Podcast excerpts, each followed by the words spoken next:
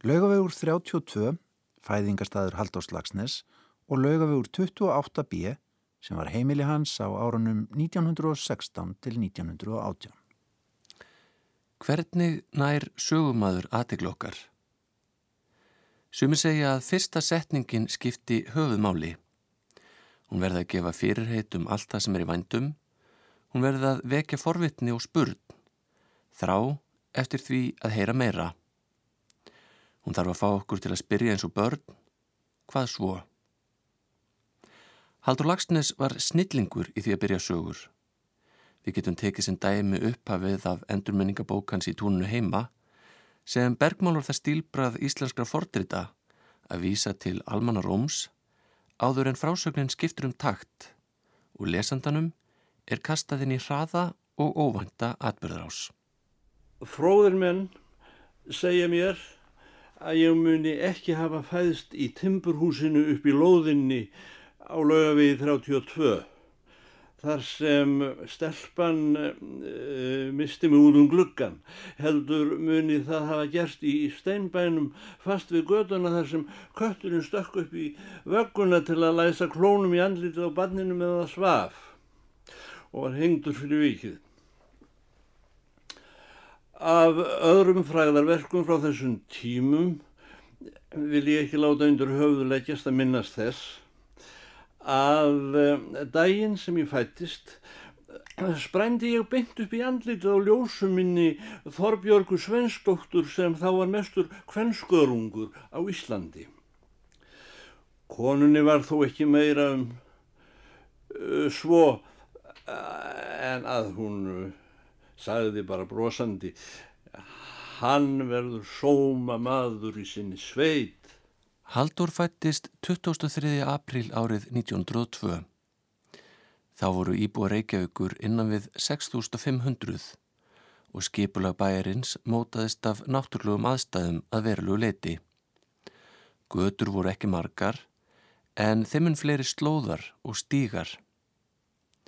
Einn nánasti vinnur Haldurs, Erlendur í Unuhúsi, Guða haft að orði að Haldur hafi notið þess æfi langt að vera borin og barðfættur við lengsta borgarstræti á Íslandi sem sé lögavegin. Fyrir bræðið hafi Haldur ekki þurft að eigða 10-20 árum í að hafa úr sér sveitamannin. Verk Haldurs eru mörg og markbrotinn. Í þeim á finna ímið stef og tilbriði sem segja má séu gegnum gangandi Eitt af þeim er tónlist sem kemur víða við sögu.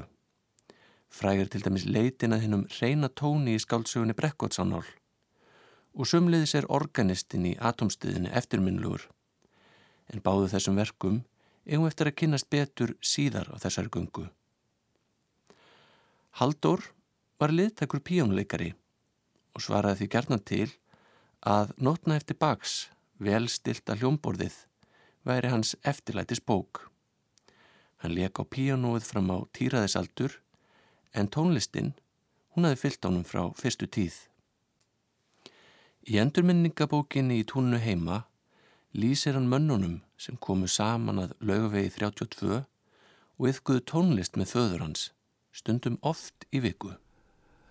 Ótalkvöld frumbensku minnar, tegja sig í endurminningunni út í eitt kvöld þar sem undirritaður skrýður undir stóla listamannana og út á milli fóta þeirra eða reynir að stoppa fæturna á reyni gísla sinni þegar hann er að stíga orgelið. Öll svo fátæka tilrönd til tónlistari laungu tínd í eiliðinni og eftir ég. Reynir Gíslason hefur þá verið 14 ára, hann var síðan tónlistamæður í Danmörku. Hinnir voru held ég allir handverksmenn, sumri játsmiðir þar á meðal Gísli Finnsson, fæðir reynis, en mér er sagt að hann hefði verið sellistinn. Einn held ég hefði heitið Reykdal, málari, ég man hvað mér þótti skrítið að sjá hann á götu í hvítum kyrli með málningarblettum og með málningardollu í hendinni. Á kvöldin settu þessir menn upp hálstöy áður þeir fóru að spila. Þarna var líka Runólfur, fadir Karls Runólfssonar tónskáls. Það var vegaverkstjóri eins og fadir minn og þar á leiðandi yðjulaus heima að vetrinum til. Í nær áratug áður en ég fættist hafði fæðin minn starfað sem vegaverkstjóri í Vísvegarum land. Hann hvarf úr bænum óðar en voraði með vinnuflokka sína í fjarlaga landsfjórðunga. Borgum fylgja breytingar og steinbærin sem Haldur fættist í var rifin árið 1913 til að rýma fyrir því húsi sem stendur þar nú. Þegar það gerðist var fjölskyttan flutt öðru sinni því sumarið 1905 tók hún sig upp og flutti í Mosilsveit settist að á bænum sem haldur átti eftir að kenna sig við, Lagsnes. Hér við fæðingarstaðans er hella í gangstéttinni til heiðurs skaldinu sem Reykjavíkur borg setti niður árið 2000. Áður en við yfirgefum þennan fyrsta áningarstað okkar má benda á húsið að við 28b en þar bjó Haldur 1916 til 1918 meðan las til gagfræðiprós við mentaskólinni Reykjavík. Húsið var í eigu vinar föður hans, Árna Einarssonar Kaupmanns, sem var efnamaður á sinna tíðar mælikvarða.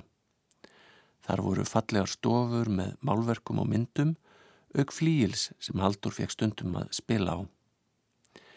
Í endurminningabókinni Sjömeistarasögunni segir Haldur frá því að hann hafi rekist á mann á götu sem hafi brotið glerún sín og sá hann því alls ekki bæin þó hann væri í honum og ekki einu sinni bilið millir húsana.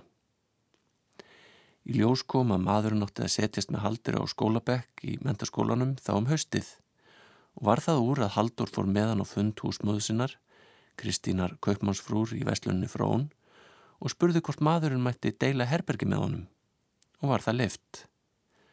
Maðurinn hétt Sigurður Einarsson og var skáld rétt eins og Haldur Með þeim tókst góð vinóta. Herbergi þeirra lýsir haldur svo.